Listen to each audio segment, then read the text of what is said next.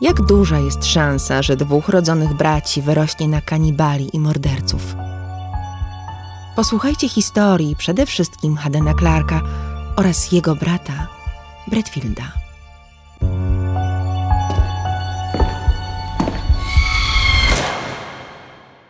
Haden Clark senior i Flavia Scranton byli parą, której pisane było idealne małżeństwo. Mieli odpowiednie pochodzenie, inteligencję i wykształcenie. Rodzina Flavii była zamożna. Clark i jego bliscy natomiast byli ludźmi sukcesu. Ojciec pełnił nawet funkcję burmistrza White Plain. Haden był znakomicie wykształcony. Ukończył dwa kierunki studiów administrację i zarządzanie oraz zrobił doktorat z nauk chemicznych. Opatentował też kilka wynalazków, w tym samoprzylepną folię spożywczą i niepalną wykładzinę dywanową. Między 1950 a 1959 rokiem urodziła się czwórka dzieci państwa Clark, trzech chłopców i córka.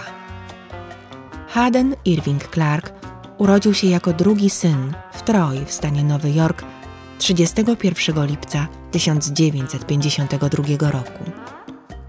Wraz z trójką rodzeństwa wychował się głównie w Warren, miejscowości oddalonej o około dwie godziny drogi od Nowego Jorku i zamieszkanej przez tak zwaną wyższą klasę średnią. Clarkowi mieszkali w przestronnym, dwupiętrowym domu w stylu kolonialnym. Wokół roztaczał się las. Ojciec, Haden Clark senior, był z pozoru wzorowym obywatelem, weteranem wojny koreańskiej i inżynierem w firmie paliwowej. Jego żona Flavia zajmowała się dziećmi i domem, co było typowym układem rodzinnym w tamtych czasach. Państwo Clarkowie udzielali się we wszelkich lokalnych organizacjach kościelnych i obywatelskich, brylowali w towarzystwie. Krnąbrny, drażliwy Haden Junior nie pasował specjalnie do idealnego obrazka amerykańskiej rodziny. Matka uważała, że komplikacjom winni byli lekarze, którzy przeprowadzili poród kleszczowy przy narodzinach Hadena. Doznany wówczas uraz głowy doprowadził do zmian w psychice chłopca. Gdy miał cztery latka, zaprowadziła go do Yale University Child Study Center. Lekarz potwierdził, że chłopiec ma łagodne uszkodzenie mózgu i mózgowe porażenie dziecięce. Flavia wolała zrzucać odpowiedzialność za zachowanie Hadena na kwestie zdrowotne, dające się łatwo zdefiniować. Zaraz dowiecie się dlaczego. Wkrótce wysłano chłopaka do szkoły specjalnej w pobliskim Somerville. Ojciec wołał na niego, opóźniony, przygłup, niedorozwinięty. Denerwowały go kłopoty syna z nauką mowy, a potem trudności w nauce. Wykształcony i uzdolniony Clark senior słabo spełniał się w roli ojca, szefa i pracownika. Zawsze niezadowolony ze współpracowników oraz szalenie skąpy w codziennym życiu, często zmieniał pracę, zwykle raz w roku. Dzieci Clarków miały ciężki i trudny start w życie, wbrew dobrej sytuacji materialnej. Ich rodzice byli alkoholikami, których awantury nigdy się nie kończyły i dochodziło czasami do rękoczynów. Matka Hadena ubierała go w dziewczęce ubranka, gdy była pijana. Czekając na drugie dziecko, spodziewała się córki i tak go traktowała. Zwracała się do niego Kristen. Gdy podrósł, rodzice przyłapali go na zakładaniu kobiecych ubrań. Chłopak był heteroseksualny, jednak matka uczyniła go transwestytą, co na pewno nie ułatwiało mu kontaktów z rówieśnikami i dziewczętami w tamtych czasach. Ojciec próbował go zmienić, bijąc paskiem. Napadał na chłopca, gdy ten wychodził nagi i bezbronny z kąpieli w wannie. Haden skarżył się matce, że starszy o dwa lata brat, Bradfield, napastował go seksualnie w domku na drzewie. Podczas konfrontacji domniemany napastnik wyparł się i matka uwierzyła starszemu synowi. Haden cały czas był na przegranej pozycji. Jednak nastoletni Clark rewanżował się światu przemocą, której doznawał w rodzinnym domu. Dzieci, które go prześladowały, karał dotkliwie, torturował i zabijał należące do nich zwierzęta domowe. Pewnego razu uderzył głową młodszego brata o chodnik, w wyniku czego chłopiec obficie krwawił. Haden twierdził, że w wieku 14 lat popełnił pierwsze morderstwo. Ojciec pomógł mu ukryć zwłoki i zatuszować sprawę. IQ miał przeciętne, ale nie poniżej średniej. Liceum skończył dopiero w wieku 21 lat. Był najstarszym uczniem w klasie. Pozostała trójka rodzeństwa poszła na studia. Haden edukował się na szefa kuchni przez kolejne dwa lata w znakomitej szkole kucharskiej. Wyboru szkoły dokonali rodzice. Gdy dokuczali mu inni adepci sztuki kulinarnej, oddawał mocz do garnka z tłuczonymi ziemniakami i potem patrzył, jak inni je jedzą. Po ukończeniu szkoły podejmował pracę w zawodzie, jednak nigdzie nie mógł zagrzać miejsca dłużej niż kilka miesięcy przez swoje nietypowe zachowanie, na przykład picie krwi wołowej w kuchni restauracji. Ciągu ośmiu lat, w latach 1974-1982, 14 razy zmieniał pracę. Zgłaszał się wszędzie, gdzie szukano kucharza. Początkowo pracował na luksusowych statkach wycieczkowych, w pięciogwiazdkowych restauracjach i hotelach oraz najwyżej ocenianych lokalach w Provincetown, modnej miejscowości wypoczynkowej na Cape Cod, a nawet w kuchni miasteczka olimpijskiego w Lake Placid. Po latach będzie opowiadał, że w tamtym okresie zabił kilka kobiet, a ich zwłoki ukrywał na wydmach. Jednej z ofiar jakoby odciął w nadgarstkach dłonie, następnie odrąbał palce i użył ich jako przynęty na ryby. W tym czasie w jego rodzinie zachodziły dramatyczne zmiany. Zmarł dziadek od strony ojca, babcia trafiła do domu opieki, a przede wszystkim rozwiedli się w końcu rodzice. Po niezbyt udanej karierze zawodowej Haden zgłosił się do wojska i służył w marynarce wojennej jako kucharz pokładowy. Gdy odkryto, że nosi bieliznę z falbankami pod mundurem, został pobity i zamknięty w chłodni na mięso na trzy godziny. Ale to nie jedyna nieprzyjemna rzecz, jakiej doznał podczas pracy na morzu. Doznał wstrząsu mózgu po uderzeniu głową o pokład lotniskowca, co zafundowali mu jego złośliwi koledzy. Przenoszono go z okrętu na okręt, aż 22 czerwca 1984 roku 32-letni Haden został zwolniony po tym, jak zdiagnozowano u niego schizofrenię paranoidalną, objawiającą się urojeniami prześladowczymi. Poddano go kuracji antypsychotycznej halidolem.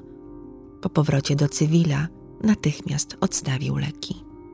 Tymczasem jego brat, Bradfield Clark, ten, którego oskarżył o molestowanie, obecnie specjalista od oprogramowania komputerowego, dokonał przerażającej zbrodni w Kalifornii.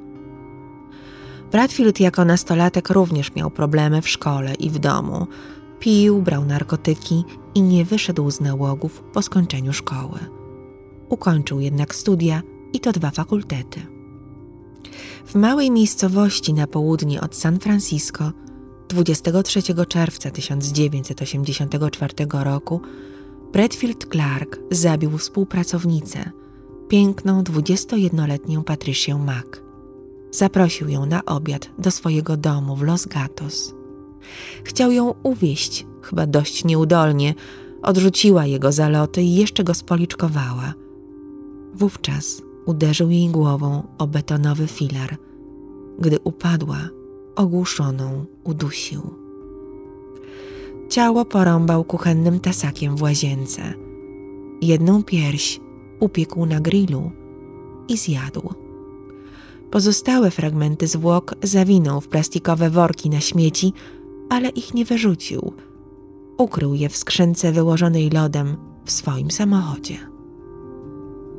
Powoli zaczął dochodzić do siebie, trzeźwiał, mijało działanie narkotyków. Dwa dni później próbował popełnić samobójstwo. W szpitalu przyznał się do winy i powiedział lekarzom, którzy go odratowali, że ciało Patrici ukrył w bagażniku auta. W czerwcu 1985 roku skazano go za morderstwo drugiego stopnia i okaleczenie ludzkich szczątków na dożywocie z możliwością ubiegania się o warunkowe zwolnienie po 18 latach.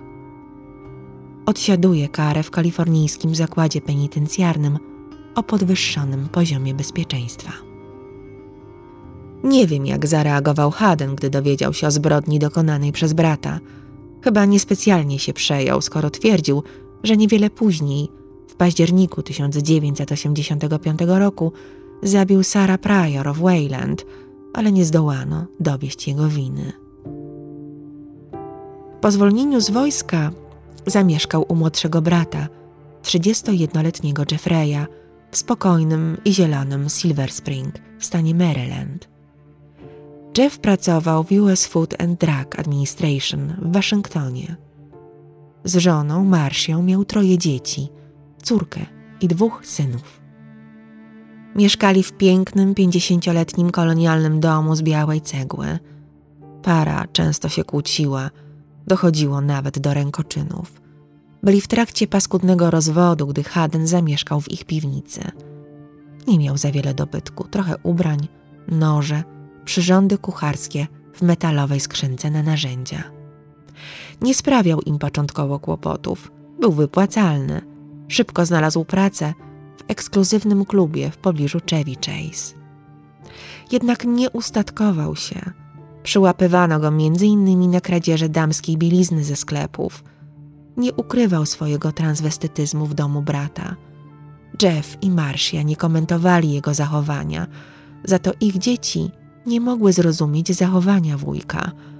Sześcioletnia Elizabeth wprost nazywała go niedorozwojem. W maju 1986 roku 34-letni Clark usłyszał, że ma się wyprowadzić z domu brata. Nie zdziwicie się, czemu podjął taką decyzję. Jeffrey przyłapał Hadena na tym, jak masturbuje się przed jego córką i synami. Haden wyprowadzał się na własnych warunkach. Znalazł sobie nowe lokum w Bethesda, ale przenosił tam rzeczy powoli, codziennie, po jednym pudełku. Ostatnie miał zabrać 31 maja.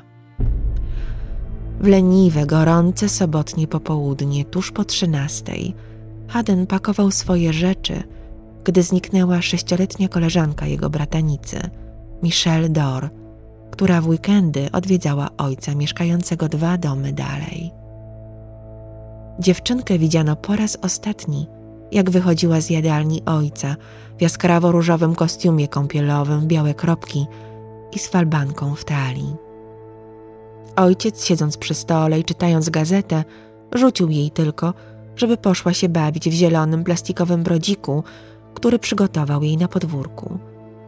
Wyszła boso tylnymi drzwiami, ciągnąc po ziemi kolorowy ręcznik. Miała ciemne włosy do ramion, piegi na nosie i niebieskie oczy. Była dość poważną, jak na swój wiek, dziewczynką.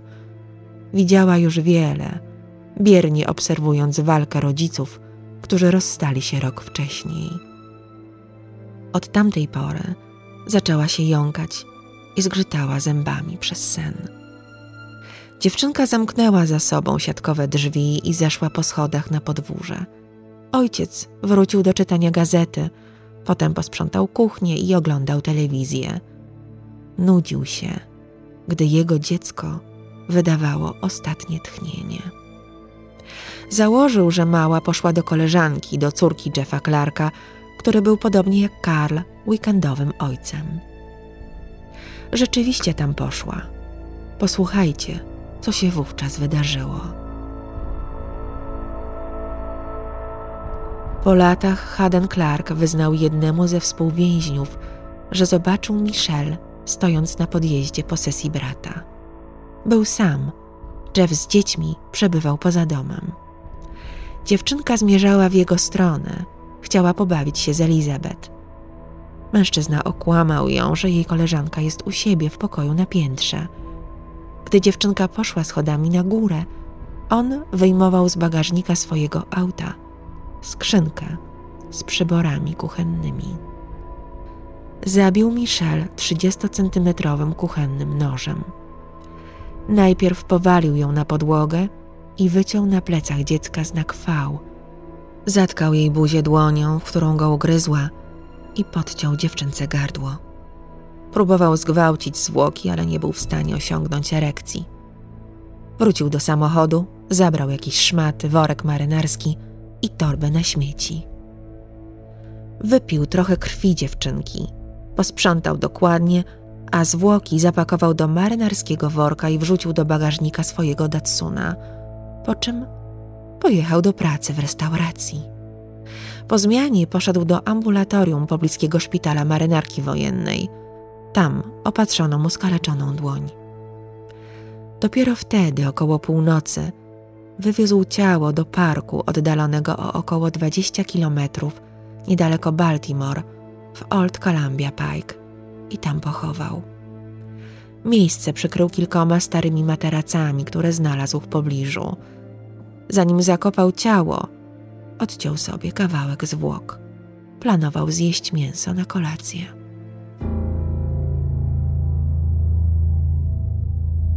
Karl Dor, ojciec Michelle, jego jedynego dziecka, zaczął jej szukać dopiero późnym popołudniem.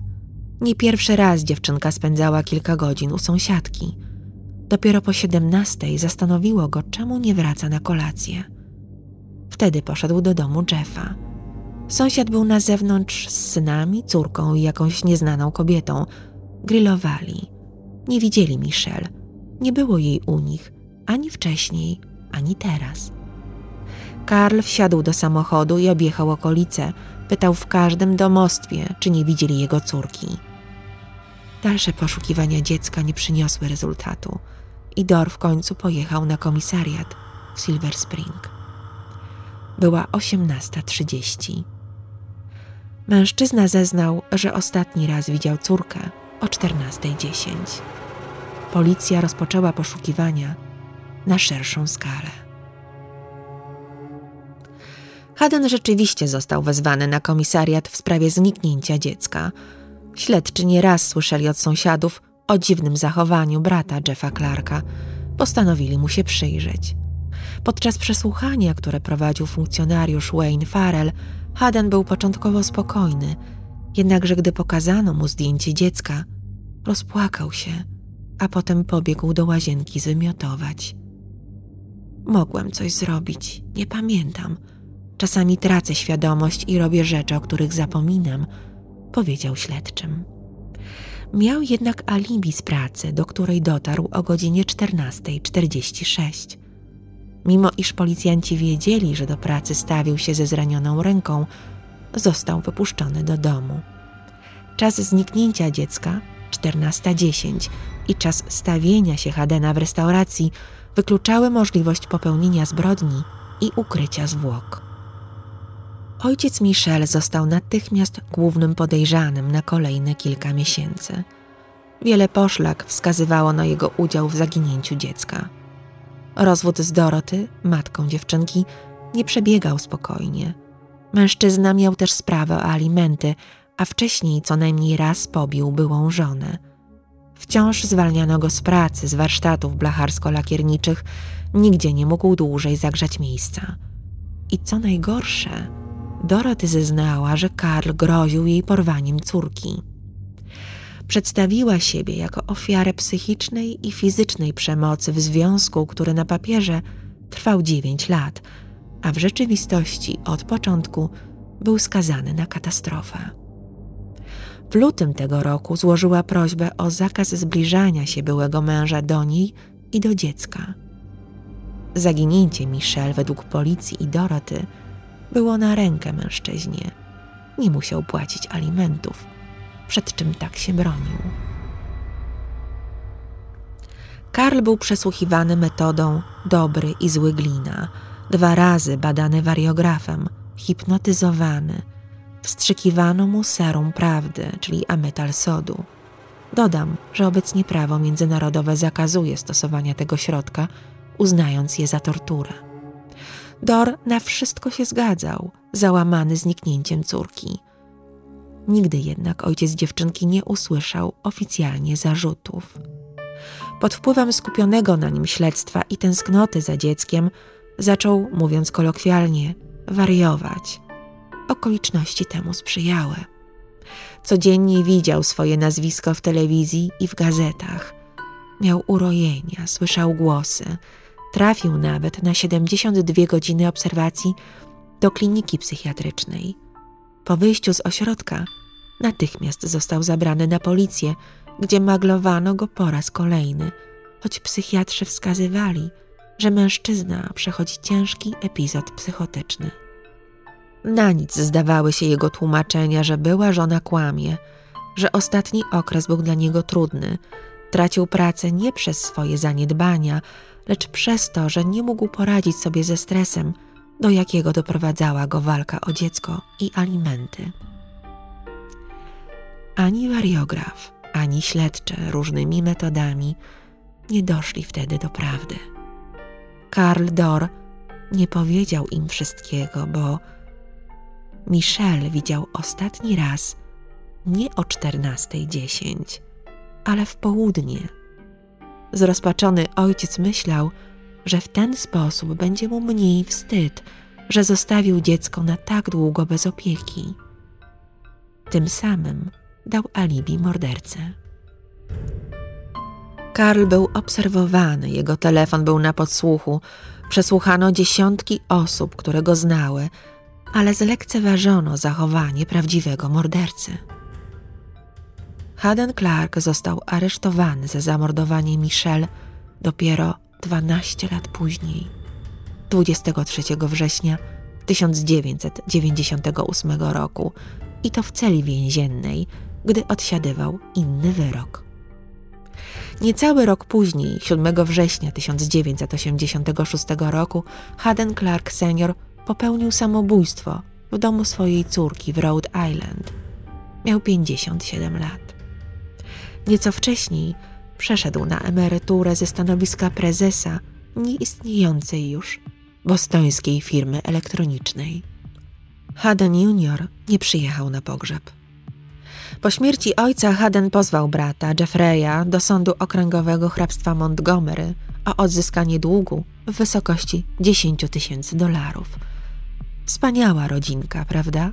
A tak bardzo Clarkowie starali się ukryć prawdę o prawdziwych relacjach w ich domu. W kolejnych latach Hadena często zatrzymywała policja, głównie za przekraczanie prędkości. We wrześniu 1988 roku własna matka zarzuciła mu kradzież rzeczy z jej domu w Rhode Island. Zrewanżował się, powalając ją na ziemię, kopał kobietę, a potem próbował przejechać swoim trakiem. Następnego dnia matka wniosła skargę o pobicie i napaść.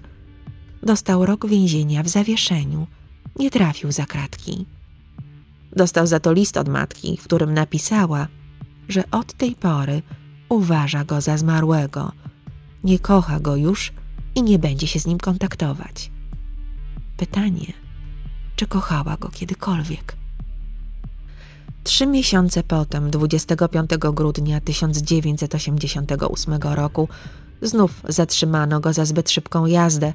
Tym razem w samochodzie policjant znalazł niezarejestrowaną i naładowaną broń. Haden został aresztowany i skazany, ale kolejny wyrok dostał po raz kolejny w zawieszeniu. W tamtym okresie od lata 1988 roku mieszkał w piwnicy, którą wynajmował od państwa Mecheni. 25 grudnia umieścił wielką butlę oleju nad drzwiami wejściowymi ich domu, tak aby rozlał się po ich otwarciu.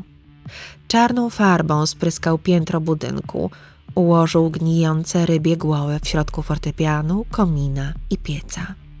Ukradł jakieś drobne przedmioty. Oskarżony o zniszczenie mienia, przyznał się do winy w ramach ugody. Nie odbył jednak kary więzienia, które zostało mu zawieszone. Przydzielono mu kuratora sądowego i nakazano poddanie się leczeniu psychiatrycznemu. Aż wierzyć się nie chce, że mężczyzna, który miał tyle różnych przewinień na sumieniu, wciąż wymykał się sprawiedliwości, choć rzeczywiście stawał za swoje sprawki przed sądem.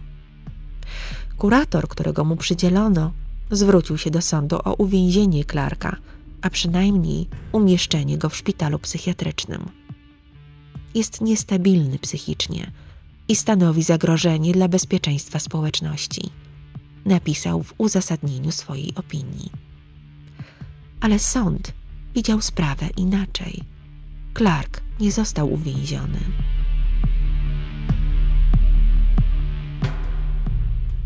W lutym 1989 roku został aresztowany i oskarżony o 17 zarzutów.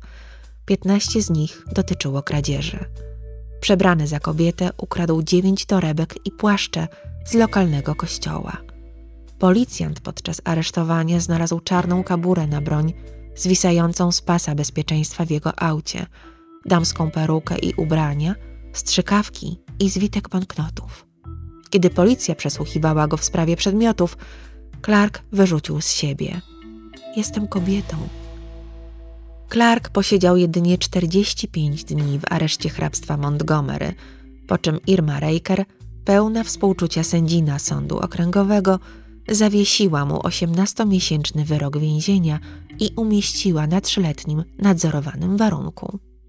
Jego obrońca z urzędu wystawił swojemu podopiecznemu dokument, który ten miał pokazywać, gdyby złapano go przy dokonywaniu kolejnych wykroczeń. Adwokat niemalże zwalniał go z odpowiedzialności za jego czyny, tłumacząc je stanem psychicznym Hadena. Co sam zainteresowany na to? Gdy wyszedł na wolność, podobno chwalił się, że celowo trafił do więzienia, bo doskwierało mu zimno, a przecież był bezdomny. W połowie 1989 roku pojawił się w szpitalu dla weteranów, dosłownie na chwilę. Wyszedł tego samego dnia. Stwierdzono u niego psychozę nieznanego pochodzenia. Haden Clark był znajomą twarzą społeczności bezdomnych wokół Bethesdy w hrabstwie Montgomery w stanie Maryland. Ci, którzy znali go, uważali go za ekscentrycznego i hojnego człowieka z okresami depresji, i kompulsywnym pragnieniem akceptacji. Mieszkał w zardzewiałej furgonetce Datsun z 1983 roku i na prowizorycznym kempingu w lesie. Gdy nie mógł znaleźć stałej pracy, dorabiał jako kurier na rolkach w firmie Rockville Rocket czy też jako ogrodnik. Policja później, po jego aresztowaniu, odnalazła około 40 tysięcy dolarów w gotówce – które zarobił z tymczasowych prac w ciągu ośmiu lat. Przez ostatnie trzy lata na wolności udzielał się w pierwszym kościele baptystów Bethesda. Regularnie uczęszczał na cotygodniowe studiowanie Biblii. Wielebny John Burns wspominał, że Haden bywał głośny i jego uwagi nie zawsze były trafione. Trudno mu było odnaleźć się w grupie, ale baptyści nie zamierzali go odsuwać. W 1990 roku za pośrednictwem ośrodka dla bezdomnych zatrudnił się jako ogrodnik i złota rączka na pół etatu w domu pani Penny Hafteling, psychoterapeutki z Bethesda. Związał się z nią relacją matka-syn. Szczupły i silny, był bardzo pracowity, jak zawsze zresztą, gdy znalazł pracę. Kobieta zauważyła zniknięcie pereł, bielizny i ubrań, Doszło kilka razy do awantur między nimi, jednak Penny była cierpliwa i wyrozumiała. Wszystko się zmieniło, gdy jej córka, Laura, absolwentka Harvardu, wróciła po studiach do domu. Haden stał się zazdrosny i zaczął planować zemstę.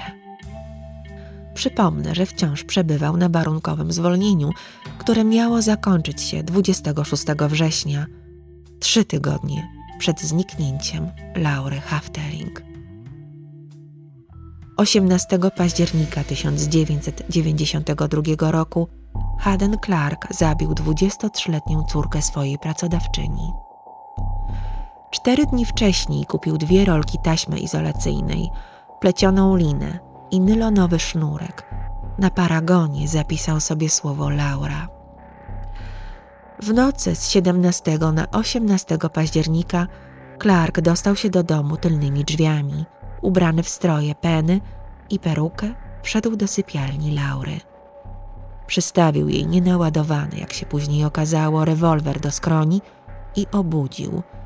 Powiedział jej, że ona jest podrzutkiem, tylko on jest prawdziwą Laurą. Zmusił ją do rozebrania się i wzięcia kąpieli.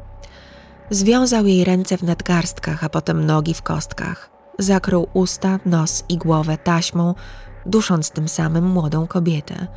Gdy zorientował się, że brakuje jej powietrza, chwycił nożyczki, żeby rozciąć taśmę, jednak nie uwolnił jej.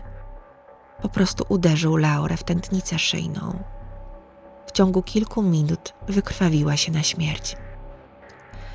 Ciało zawinął w prześcieradło, wrzucił na tylne siedzenie Datsuna i zakopał około kilometra od domu, między drzewami, na parceli przy autostradzie międzystanowej nr 270.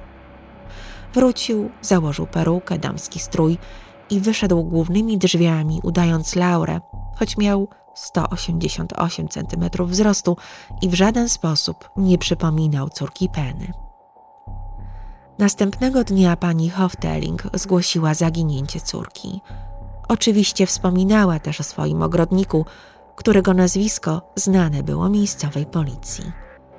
Śledczy znaleźli zakrwawioną poduszkę ze śladami kryminalistycznymi, jego włosami i odbitkami palców. Został aresztowany 22 października, cztery dni po zamordowaniu Laury. Przyznał się do winy. Zachowywał się jak trzy różne osoby podczas siedmiogodzinnego przesłuchania. Na przemian był sobą, Hadenem Clarkiem oraz niemowlęciem i kobietą. Kobieca osobowość wyznała, że pochował ich w New Jersey. Pod tajemniczymi wyznaniami nie kryło się nic więcej. Policja bezskutecznie przeszukała okolice jego rodzinnego domu w Warren. Nic nie odnaleziono. W 1993 roku skazano go na 30 lat za zamordowanie Laury, za morderstwo drugiego stopnia. Zaprowadził śledczych do miejsca, gdzie zakopał jej ciało dopiero po ośmiu miesiącach od dokonania zbrodni, już po skazaniu. Gdyby wyjawił to wcześniej, zostałby skazany za morderstwo pierwszego stopnia i otrzymałby wyższą karę. Jednocześnie powiązano go z morderstwem sześcioletniej Michelle Dor, gdy policja zorientowała się, że mieszkał dwa domy dalej od ojca dziewczynki w czasie, gdy zniknęła. W obu przypadkach morderca wyszorował miejsce zbrodni do czysta i zabrał ciała ze sobą. Modus operandi był ten sam. W domu brata znaleziono krew sześciolatki na drewnianych deskach podłogowych sypialni na piętrze. Śledztwo prowadzono przez kilka lat. Miejsce pochowania ciała dziecka Haden ujawnił policji dopiero w styczniu 2000 roku. Minęło prawie 14 lat od śmierci Michelle. Już w 1993 roku można było oskarżyć Clarka, ale wówczas nie było dowodów i prokuratura jedynie mogła zasugerować ugodę, w ramach której po prostu odsiadywałby jedną trzydziestoletnią karę za obydwa morderstwa. Dopiero w 1999 roku dostał kolejne dwa wyroki: 10 lat za szkody i kradzieże w domu państwa Meheni oraz 30 lat za zabicie Michelle. Prokuratorzy nie spieszyli się z oskarżeniem go o zamordowanie dziewczynki, dlatego że i tak nigdzie by im nie uciekł, odsiadywał karę za zabicie Laury. Wiedzieli, że jeśli będzie za mało dowodów, przegrają i zbrodnia ujdzie mu na sucho. Woleli spokojnie i metodycznie dociekać prawdy oraz czekać na przyznanie się do winy samego Clarka. W 1998 roku ostatecznie oskarżenie opierało się na zeznaniach więziennych informatorów oraz poszlakach. Haden zwierzał się innemu więźniowi, który przypominał mu Chrystusa z wyglądu. Opowiedział mu ze szczegółami o zbrodni popełnionej na sześciolatce. We wrześniu 1998 roku, po postawieniu mu zarzutów zamordowania Michelle, natychmiast poinformowano o tym jej rodziców. Matka nie była w stanie rozmawiać z mediami. W jej imieniu zabrał głos prawnik i udzielił komentarza dziennikowi The Washington Post. Cytuję: Kiedy jej powiedziałem, to było jak grom z jasnego nieba. Na początku była oszołomiona, powiedział James F. Szalek. Chce powiedzieć, jak bardzo jej ulżyło i jak bardzo jest wdzięczna policji hrabstwa Montgomery za ich nieustające wysiłki i za to, że nigdy nie zapomniała o Michelle. To dla niej ważne. Karl Dor, ojciec Michelle, bardzo się zdenerwował, że o wszystkim dowiedział się od reportera telewizyjnego, a nie od prokuratora. Od lat źle znosił śledztwo, które na samym początku skupiało się, jak pamiętacie, właśnie na nim.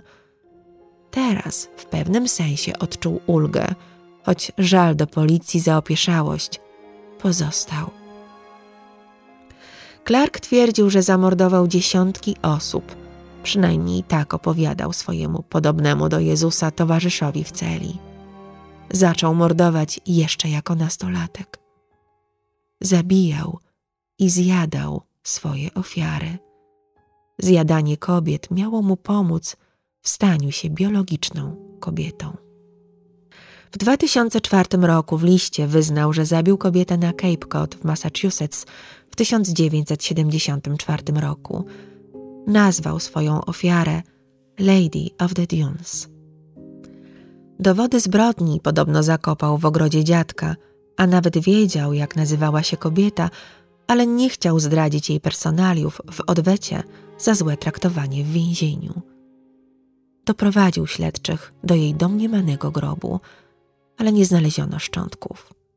15 grudnia 2000 roku ściągnął policję na dawną posesję dziadków. Wskazał na ukryte wiadro z ponad dwustoma sztukami biżuterii w środku. Wśród błyskotek znaleziono pierścionek Laury Hafteling. To były jego trofea. Inne miejsca zbrodni, które odwiedzał wraz z policją i swoim więziennym Jezusem, nie przyniosły rozwiązania zagadki. Wskazywał miejscowości w Massachusetts, Connecticut, New Jersey, Rhode Island i Pensylwanii. Nigdzie nie odnaleziono szczątków jego domniemanych ofiar. Za każdym razem, podczas każdej z takich ekspedycji, ubierał się w kobiece stroje. Śledczy pozwalali mu na to. Czuł się bezpieczniej, czuł się prawdziwym sobą. Zdiagnozowana schizofrenia paranoidalna poddaje w wątpliwość jego słowa. Z drugiej strony, skazując go na trzy kary więzienia, za każdym razem uznawano, że był poczytalny. Czy jest odpowiednikiem Leszka Pękalskiego, mordercy mitomana, wampira z Bytowa, który twierdzi, że zabił kilkadziesiąt osób? Od końca 2017 roku Pękalski przebywa w tak zwanym ośrodku dla bestii – w Gostyninie, w Krajowym Ośrodku Zapobiegania Zachowaniom Dysocjalnym. Wciąż nie wiadomo, czy dokonał tylko jednej zbrodni, za którą został skazany. Niemal 71-letni Haden Clark odsiaduje obecnie wyroki w Eastern Correctional Institution w Westover w stanie Maryland. To historia, nie pierwsza zresztą, która udowadnia, jak mocno kształtuje nas dzieciństwo, jak bardzo mogą nas skrzywdzić rodzice. Ważne, co z tym zrobimy w dorosłym życiu. Byłam dzieckiem bitym przez ojca. Dostałam nieraz w twarz od mojej matki, poniżana i wyśmiewana za swój wygląd odstający od ówczesnych norm i siedzenie w książkach przez rodzinę i rówieśników. Wyrosłam, wydaje mi się, na porządnego człowieka – a to, co było w dzieciństwie, jest tylko koszmarem, który oswajam często opowieściami, jakie dla was snuję. Nikogo nie planuję mordować.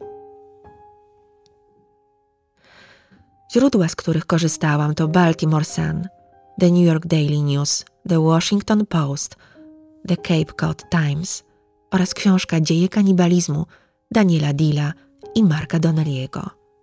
Przypomnijcie sobie rodzinę Hadenów za każdym razem, gdy używacie samoprzylepnej folii spożywczej.